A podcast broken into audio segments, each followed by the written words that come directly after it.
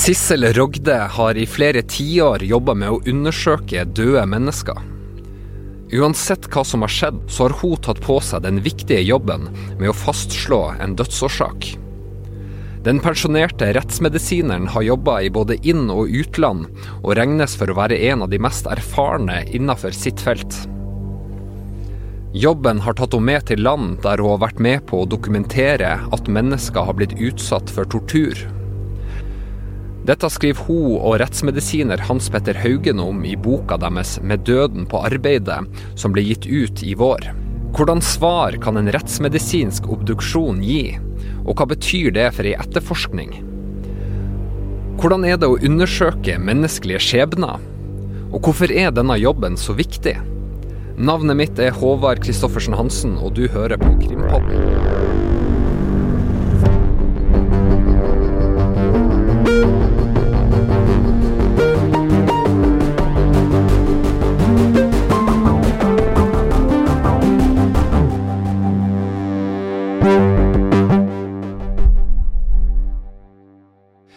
Velkommen til oss, eh, Sissel. Takk. Først så vil jeg begynne med å spørre hvem er den typiske rettsmedisiner? Ja, det er det mange som lurer på, og mange som har bilder i hodet sitt Mm. eh, av hvordan vi er. Men vi er jo ganske forskjellige mennesker, vi også. Men for å si det helt praktisk, så må man ha medisinsk utdannelse, altså medisinsk embetseksamen. Og så må man jobbe i faget i rettsmed rettsmedisin flere år før man kan regne seg som rettsmedisiner.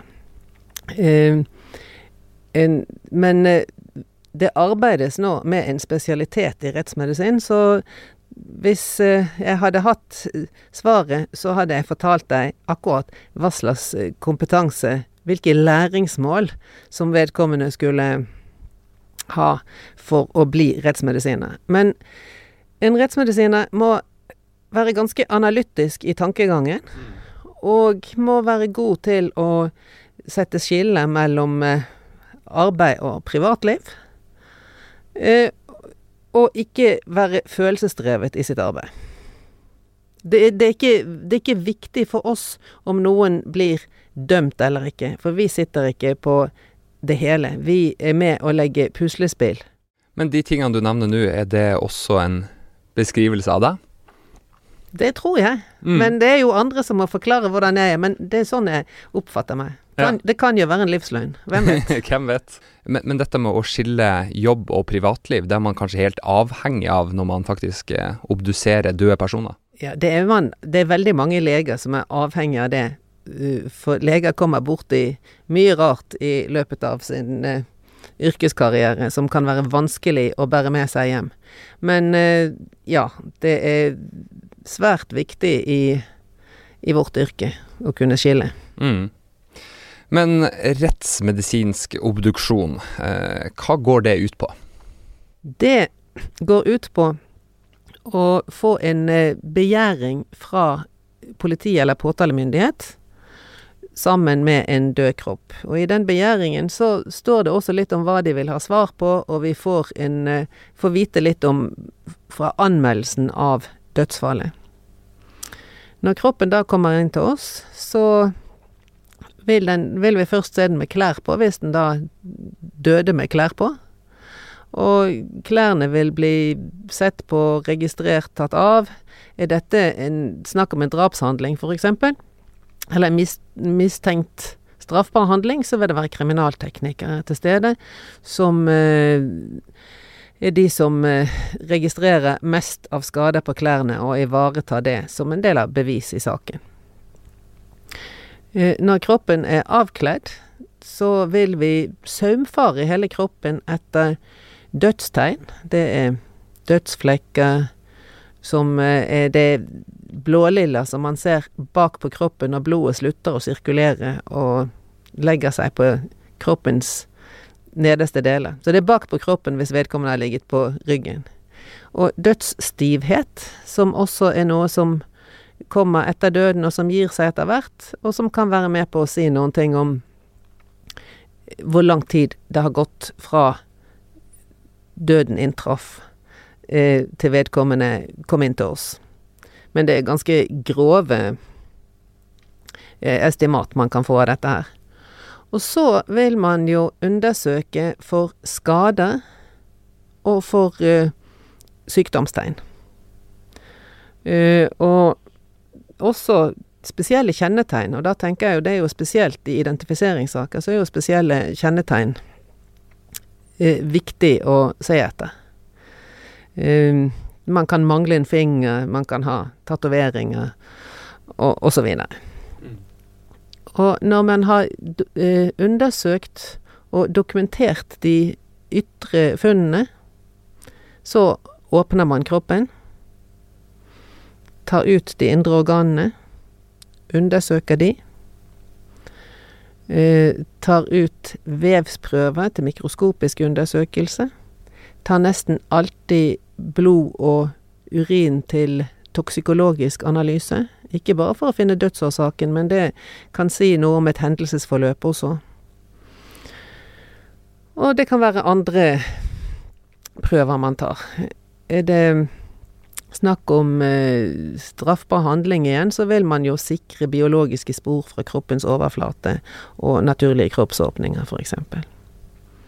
Og så ser man alltid på det som kalles øynenes bindehinne, etter om det er punktblødninger som kan tyde på at det er en kvelningstilstand. Og man ser i munnslimhinnen for å se om det er punktblødninger. Man ser hvordan tannstatus er. Man ser om det er skade på innsiden av munnen, ikke sant. Mm. Så Og alt skal registreres. Det er et omfattende arbeid, og alt skal registreres. Og det er om å gjøre ikke stresse fordi at man har så mye mer man skal gjøre, men å investere tid i å gjøre denne undersøkelsen så grundig som mulig. Gjøre det skikkelig. Ja. Og i Oslo så vil det jo forut for eh, obduksjonen også bli gjort en CT-undersøkelse, en røntgenundersøkelse, i alle tilfeller. Hva det går ut på? Nei, da får man jo en datarøntgenundersøkelse av hele kroppen. Og så kan man se på det. Eh, jeg kan ikke si så mye om dette. Dette kom veldig sent i min uh, yrkesaktive tid. Så jeg valgte, de, de, gangene jeg hadde bruk for å få sett på dette og få tolket det, å bruke røntgenleger til å se på det for meg. For det at uh, jeg tenkte at jeg kunne bruke min tid bedre på å hjelpe andre med den klassiske rettsmedisinen, og få hjelp selv til det som var nytt for meg. Men uh, dette er et viktig redskap etter hvert. Du er for så vidt inne på det, men når det gjelder eh, tilfeller hvor det er snakk om eh, alvorlige straffbare forhold, eh, at eh, vedkommende kan ha blitt drept, eh, hvordan svar kan man få basert på de undersøkelsene som dere gjør? Man må jo først og fremst eh, gjøre en ekstremt grundig utvendig undersøkelse og registrere alt smått og stort. For selv om vi har en sak hvor det åpenbart foreligger et knivdrap f.eks., så må vi se på, på, hendene for å se om det er merker etter at noen har vært i slåsskamp eller noe, for dette kan si noe om omstendighetene, altså om, om det som har gått forut for eh, hendelsen, eller vi ser etter uh, skader på armer og hender som kan være selvforsvarsskade. Hvis det er snakk om Hvis vi mistenker stump vold mot hodet, f.eks., så hender det ofte at vi må fjerne hodehåret for å kunne registrere nøye. Og da ser vi jo på skadene i huden. Og ved hjelp av CT-undersøkelser så kan vi jo også se ting ganske tydelig i kraniet, f.eks. Så vi, vi, kan jo da noen ganger si at dette, disse slagene tror vi er utført med en hammer, f.eks. Eller med en øks. Og kanskje ikke med eggen på øksen, men på, der på baksiden hvor du har to relativt skarpe kanter på Det heter vel øksehammeren. Når det gjelder f.eks.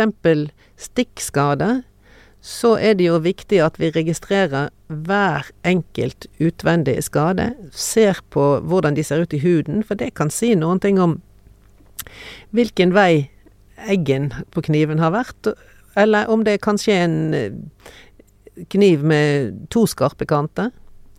Vi registrerer så godt vi kan dybden på skadekanalen. Altså den går igjennom klærne, huden, eh, ribbeinsmellomrom osv.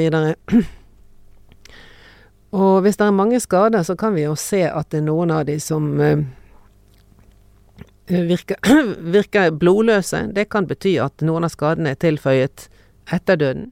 Og hvis eh, kniven har gått igjennom ben, så kan vi si at da kan det ha vært en ganske betydelig kraft. Men vi må også ta høyde for hvor spisst og skarpt redskapet. Mm. Så alle disse detaljene er jo viktige for uh, å finne ut mer om saken. Uh, si at det er et kvelningstilfelle. Så vil man jo se veldig nøye på halsen. Uh, som oftest, hvis det er mistanke om det, så vil politiet allerede ha penslet etter DNA. Og kanskje fingeravtrykk også på vedkommendes hals, for da kan vi jo finne igjen en gjerningsperson. Eller de kan finne det. Uh, og man ser jo svært nøye på Altså, er det tegn til uh, fingermerker, neglemerker, uh, eller kan det ha vært brukt en snor? Og vi vil da gjøre en veldig nøye disseksjon av halsen for å se etter blødninger i halsens bløte eller og brudd på eh, halsskjelettet. Eh, når det gjelder seksuelle overgrep, så selvfølgelig må man ta undersøkelser av naturlige åpninger for å se etter fremmed DNA, men det er også viktig å se om det er noen skader. Men det er jo sikkert en spesiell følelse når dere eh, etter hvert i løpet av dine, disse undersøkelsene eh, at det begynner å gå opp for dere at eh, her står man overfor eh, ei alvorlig kriminell handling? De, de fleste tilfellene mistenker man det jo, men eh, i noen tilfeller så er det ingenting som er mistenkt før vedkommende kommer til oss. Mm. Og det er spesielt, ja. Kan du beskrive det litt? Nei, Da må man jo bare stoppe opp med alt man eh, holder på med, og ringe til politiet og be de om å komme så fort som svint. For at vi kan fortsette. Og da Nei, det er jo spennende, fordi du skjønner at i dette tilfellet her, så er det utrolig viktig det du gjør for eh, den avdødes rettssikkerhet. Nå er det jo ikke sikkert at det er drap, selv om det kan se ut for oss som drap. Det må vi også ta høyde for. Men hva er din fascinasjon for dette yrket? Min fascinasjon for dette yrket Til å begynne med så var det vel det at jeg sto jo midt i begivenhetenes sentrum, nesten, uten at folk visste om det. Jeg fikk jo vite baksiden av dette som jeg leste om i avisen. I VG. For eksempel. Mm. Jeg har ikke lest bare Bergens Tidende, da. Etter hvert så er det jo mer enn det. Jeg har syntes at det har vært kjempeinteressant. Uh, men så er det jo da perioder hvor du syns at hva er egentlig vitsen med det du holder på med? Nå har du holdt på med mange dødsfall hvor det ikke skjer så mye videre med altså dødsfall hvor kanskje ingen er spesielt interessert i obduksjonsrapporten eller sånn. Og når man da får reise ut til andre land og være en viktig person i en etterforskning eh, for en menneskerettighetsorganisasjon eller ikke, så vender man tilbake igjen med en ny glød for jobben sin. Og finner ut at her har man lært noe som man kan bruke på flere arenaer enn bare den hjemlige. Jobben har også tatt Sissel flere steder rundt om i verden, som Kenya og Vestbredden. Her har hun bl.a. vært med på å dokumentere tortur. I boka hun har skrevet med sin kollega Hans Petter Haugen, som heter 'Med døden på arbeid', så skriver de at de har jobba flere steder i verden hvor menneskerettigheter ikke står spesielt høyt, og hvor et menneskeliv ikke er mye verdt.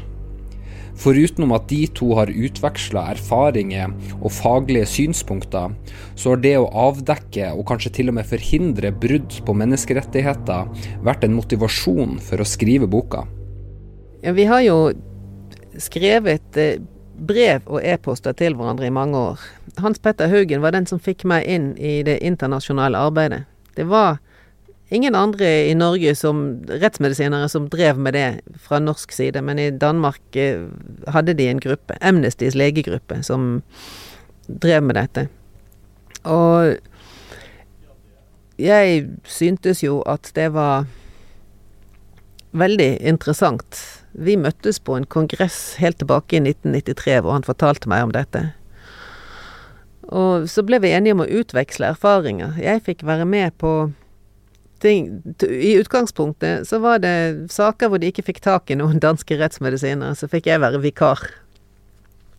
Uh, og jeg fikk fortalt han ganske mye om identifiseringsarbeid som jeg hadde syntes var veldig interessant. Så vi delte faglige synspunkter, men vi delte jo også uh, i høy grad refleksjoner rundt det vi gjorde. Og vi kan, man kan bruke hverandre til å tømme seg litt, for det skal man ikke bruke familien sin til. Også for å vise at rettsmedisinere ikke bare står på obduksjonssalen og arbeider med de hjemlige sakene, men at denne uh, kunnskapen som vi har, den kan brukes til uh, til å avdekke menneskerettighetsbrudd andre steder i verden. Og når det gjelder f.eks. torturdokumentasjon, så er jo Så tenker man jo at uh, det å avdekke tortur fra myndighetenes side, det skal i en ideell verden eh, være med på å forebygge det. Kan du fortelle litt om uh, de erfaringene du har gjort deg? Jeg blir jo først og fremst eh, takknemlig for å bo i Norge, hvor man tar menneskerettigheter på alvor. Selv om man ikke alltid tar eh, rettsmedisinen helt på alvor med ressurser og sånn. Men det kan vi komme tilbake til. Første gangen jeg reiste ut, jeg reiste til Kenya, så var jeg jo kanskje mer enn noe Jeg var litt eventyrlysten. Skulle se hva dette var for noe. Og så fikk jeg jo se hvor stor pris de satte på det arbeidet jeg gjorde. Selv følte jeg meg litt sånn Er jeg god nok til å gjøre dette her? Er jeg den eksperten som de tror at at uh, de har bedt om å få, og så måtte jeg ha en liten snakk med meg selv på bakrommet, og så sa jeg det at ja, du er, du er ikke så verst. Fikk bukt med imposter-syndromet? Ja. ja, ja. Mm. Um, du ble jo nesten løftet opp på en pidestall. Du var så viktig for disse menneskene. Du traff jo mennesker både i Kenya og andre steder som var fantastiske arbeidsjern for menneskerettigheter i landene sine. Eh, som jobbet dag og natt for, for, dette her. Og selv kom han jo på en liten visitt, men fikk Fikk veldig syn for hvor viktig dette arbeidet var. Uh, og hva slags forhold uh, personer lever under, og hvordan regimene kan stikke kjepper i hjulene for den undersøkelsen du skal ha gjort også. Eh, det må jo gjøre inntrykk? Det gjør inntrykk, og det gjør jo mer inntrykk når du snakker med levende personer som har Som forteller hva som har skjedd. Mm. Når man eh, arbeider med døde, så kan man til en viss grad beskytte seg ved å ikke tenke på hvordan denne personen må ha hatt det i sine siste øyeblikk. Det er faktisk noe som jeg syns er vanskelig når jeg leser en historie i pressen, f.eks., altså en arbeidsulykke og hva som har skjedd, men når jeg skal finne ut uh, hva som har skjedd på obduksjonssalen, så tar jeg på meg de analytiske brillene. Men som du er inne på, så er det jo store forskjeller mellom Norge og flere av disse stedene som du har eh, besøkt. Det er vel kanskje ikke noen selvfølge at man blir obdusert? Nei, verken her eller der. Men i disse, en del av disse landene jeg har besøkt, så er det jo kanskje én eller to rettsmedisinere i hele landet. Såkalt government pathologist, eksempel. Og det sier vel kanskje litt om at eh, rettsmedisineren også er ansatt av regjeringen, og kanskje ikke er helt uavhengig. Og det har jeg faktisk vært med på å se, at man har eh, beskrevet skadene i stor detalj, men man har ikke tord å trekke de adekvate konklusjonene, fordi man eh, antagelig er redd for at eh, myndighetene vil slå hardt ned på det. Det er ikke enkelt, men når vi kommer til Norge, så syns jeg jo faktisk at det skulle være en menneskerett å bli rettsmedisinsk obdusert når, når eh, det er det minste tvil om hva som kan ha skjedd. Men er det sånn at det er eh, tilfeller hvor man ikke prioriterer å obdusere personer hvor man faktisk kan mistenke at det har skjedd noe kriminelt? Man mistenker vel ikke at det har skjedd noe kriminelt, men det kan man jo aldri vite hvis det er f.eks. en som er funnet i en branntomt, for, eh, for, å si det. Mm. Eh, eller hvis en som er funnet skutt. Er du nå sikker på at han har skutt seg selv? Eh, og da vet jeg jo at det er en del tilfeller hvor man ikke rekvirerer rettsmedisinsk obduksjon fordi at det er for dyrt. Transportkostnadene spesielt er, ganske høye dersom man eh, bor ganske langt fra der hvor man kan få gjort rettsmedisinske obduksjoner. Mm. Og det er kanskje enkelte politidistrikter som er med, da er mer pressa på ressurser enn andre? Det er det nok, og det har jo sett sånn ut når man har sett på tallene til Den rettsmedisinske kommisjon. prosent av de døde som blir sendt til rettsmedisinsk obduksjon. Og der vil man se store forskjeller mellom politidistriktene. Hvis man er i Oslo f.eks., så har de en ganske høy frekvens av eh, rettsmedisinske obduksjoner. Der har de jo ikke så veldig mye transportkostnader. Men kan det da være at det er drap som ikke blir avdekka eh, nettopp pga. Eh, ressursmangel? Helt sikkert. Det er nok flere drap eh, på årsbasis som går under radaren.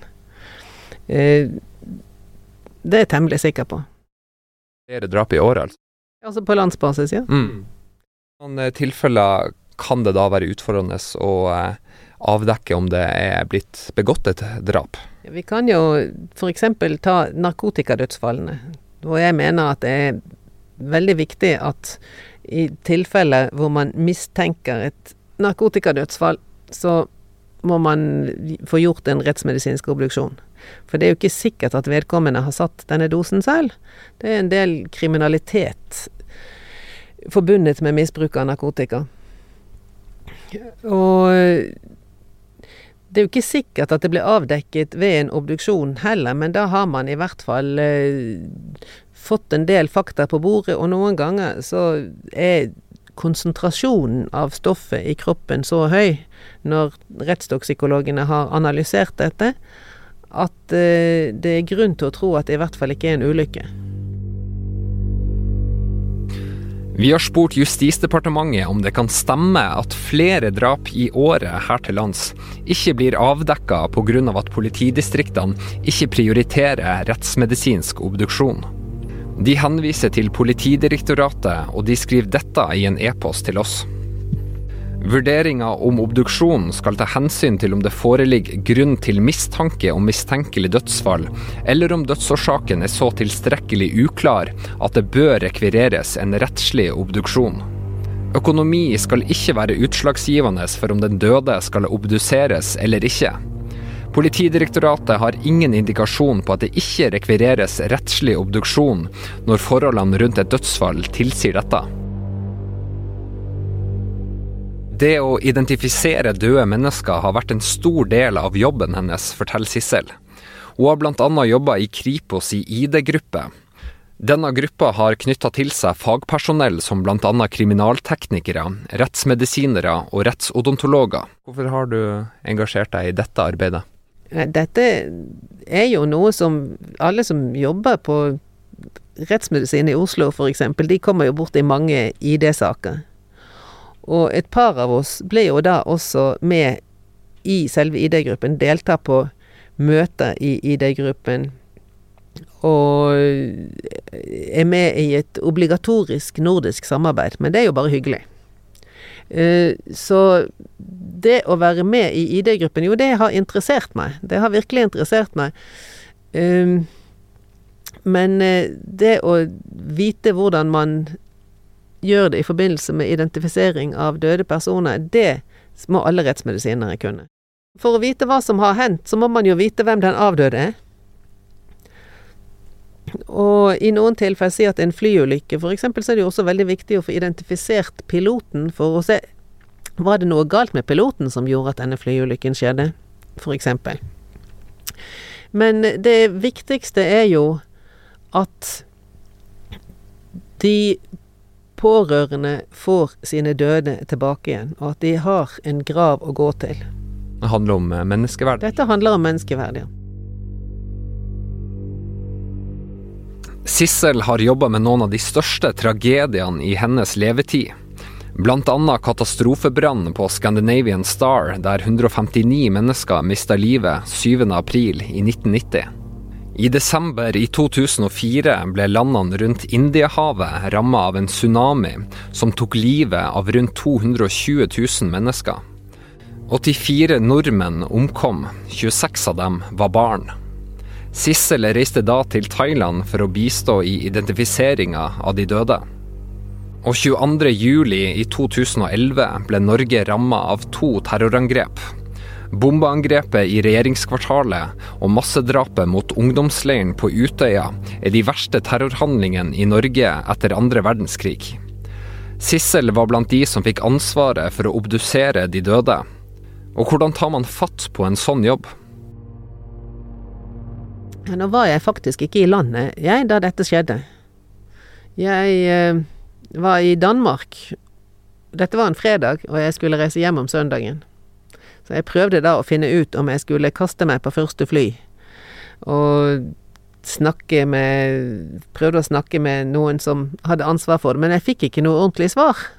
Så da tenkte jeg at da fikk jeg jo heller reise hjem om søndagen. Sånn at, at da var jo eh, da, da var jo dette organisert i eh, samarbeid med Kripos og med vedkommende som var den medisinske lederen av ID-gruppen, da. Han hadde jo sørget for at logistikken var i orden, og at det kom eh, At vi hadde et sted å være med obduksjonene våre. For obduksjonssalen på rettsmedisin, den er ganske liten. Så, men det var sommerferie, så vi fikk bruke Anatomisk institutt også. Og det var da koblet opp eh, eh, PC-er for oss og røntgenskjermer, for alle ble røntgenundersøkt. Det var før vi hadde egen CT-maskin, så de ble undersøkt på røntgenavdelingen på Rikshospitalet.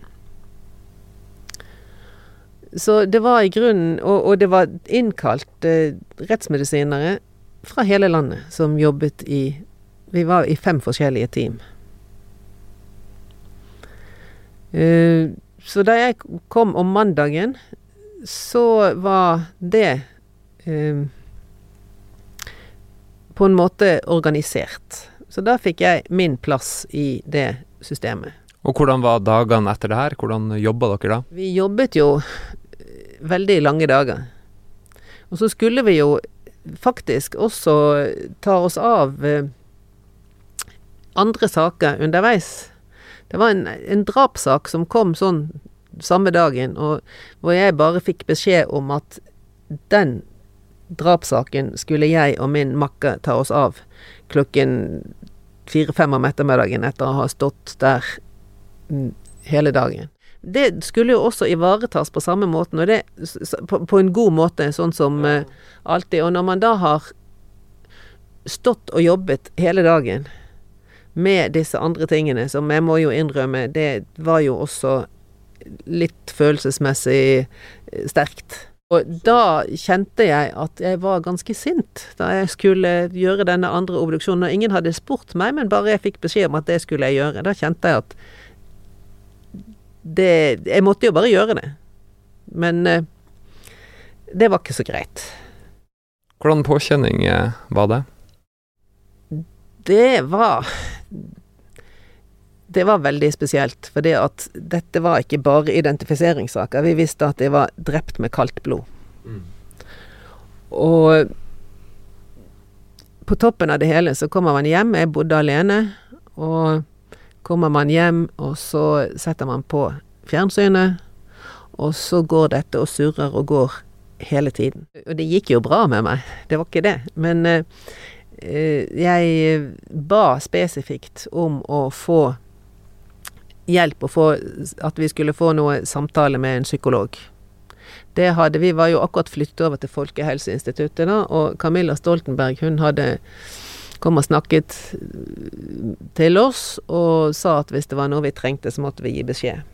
Jeg kjente henne fra før, så jeg var ganske rask til å be om å få sånn hjelp. Så vi var en gruppe mennesker som hadde samtale med denne psykologen en stund etterpå. Det skulle jo vært flere, men det var sommerferie, og folk prioriterte jo selvfølgelig heller å reise med familien på ferie og sånn. Men det var en veldig nyttig opplevelse å sitte der og snakke om vanlige ting, og det første spørsmålet vi fikk Hvor var du da du fikk nyheten om bomben i regjeringskvartalet? Og en av de som satt i gruppen, hun var gift med en mann som jobbet i Høyblokken.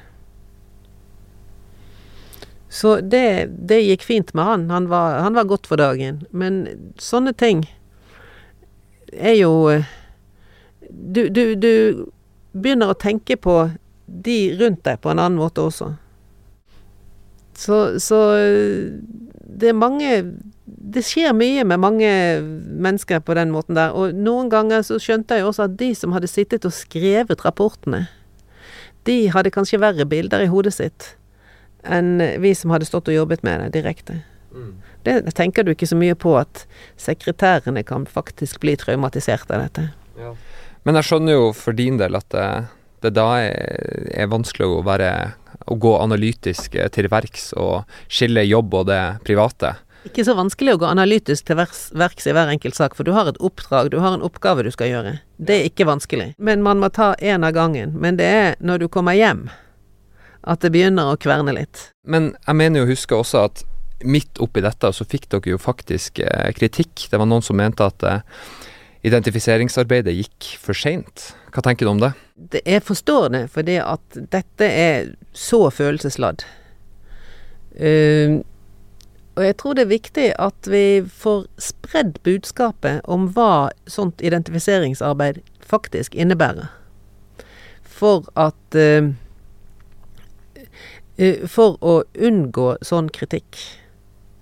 For det at alle er jo interessert i at dette blir gjort ordentlig. Jeg skjønner jo at mange av de som vi undersøkte, de var jo helt visuelt gjenkjennelige. Men vi, det ble valgt å gjøre det på den måten at alle gikk igjennom den samme prosessen. Og det tror jeg var fornuftig. Men hvordan ble deres eh, arbeid, eh, altså funn og dokumentasjon, eh, det dere hadde samla inn, hvordan ble det lagt fram i rettssaken senere? I rettssaken så var det jo ikke sånn at vi nødvendigvis eh, fortalte om akkurat de sakene vi hadde hatt selv. Eh, fordi at da hadde vi måttet eh, dra frem og tilbake til retten mange ganger. Så det ble lagt opp på den måten at vi fikk en seks-syv stykker, eller jeg husker ikke hvor mange det var, hver, som vi skulle legge frem veldig kort. Eh, det var rett og slett hvilke Hvor de var skutt, og hvor mange ganger de var skutt. Og vi la også til en uh, setning, hvis det var relevant, om at døden måtte ha inntruffet umiddelbart. Uh, hvis det var riktig. Og det handler jo om også at de pårørende skal få vite det. Så er det kanskje litt mindre vondt. Er syv mennesker som mista livet denne dagen, og hver og en av de skal jo eh, behandles eh, individuelt. Det vet jeg du var veldig opptatt av. Eh, hva er grunnen til det? De skal jo ha samme rettssikkerhet som andre mennesker som blir drept. Dette er jo drapssaker. Og da er det viktig at denne jobben blir gjort nøyaktig og ordentlig, slik at vi kan legge det frem i retten og få bli stilt spørsmål om hver enkelt sak. Og dette handler om respekt for de døde. Vil du si er det viktigste med ditt fagfelt? Det handler om rettssikkerhet. Og det handler jo først og fremst, siden vi jobber først og fremst med døde, og det er hoveddelen av jobben, så er det jo rettssikkerhet for de som dør. Den skal jo ikke være dårligere den enn den for de som er i live. Men du er jo eh, på mange måter tett på døden, da. Blir man noen gang vant til det? Blir vant til jobben, ja. Men jeg har jo blitt spurt noen ganger hva slags forhold jeg har til døden. Lurer for så vidt jeg også på.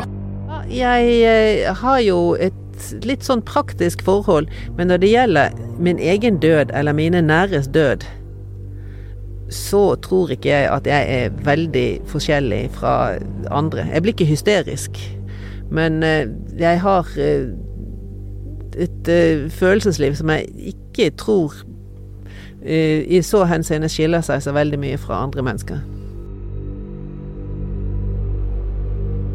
For Krimpodden er Vilde Våren. Musikken er laga av Ronny Furuvik. Gordon Andersen har bidratt med journalistikken til denne episoden. Om du har spørsmål eller tilbakemeldinger, så kan du sende oss en e-post til krimpodden at vg.no. Du kan også følge oss på Facebook og Instagram, og du kan også abonnere på oss på iTunes og inne i VG-appen. Da får du beskjed så fort vi er ute med en ny episode. Navnet mitt er Håvard Christoffersen Hansen, og vi er tilbake med en ny episode av Krimpodden neste torsdag. Vi høres da!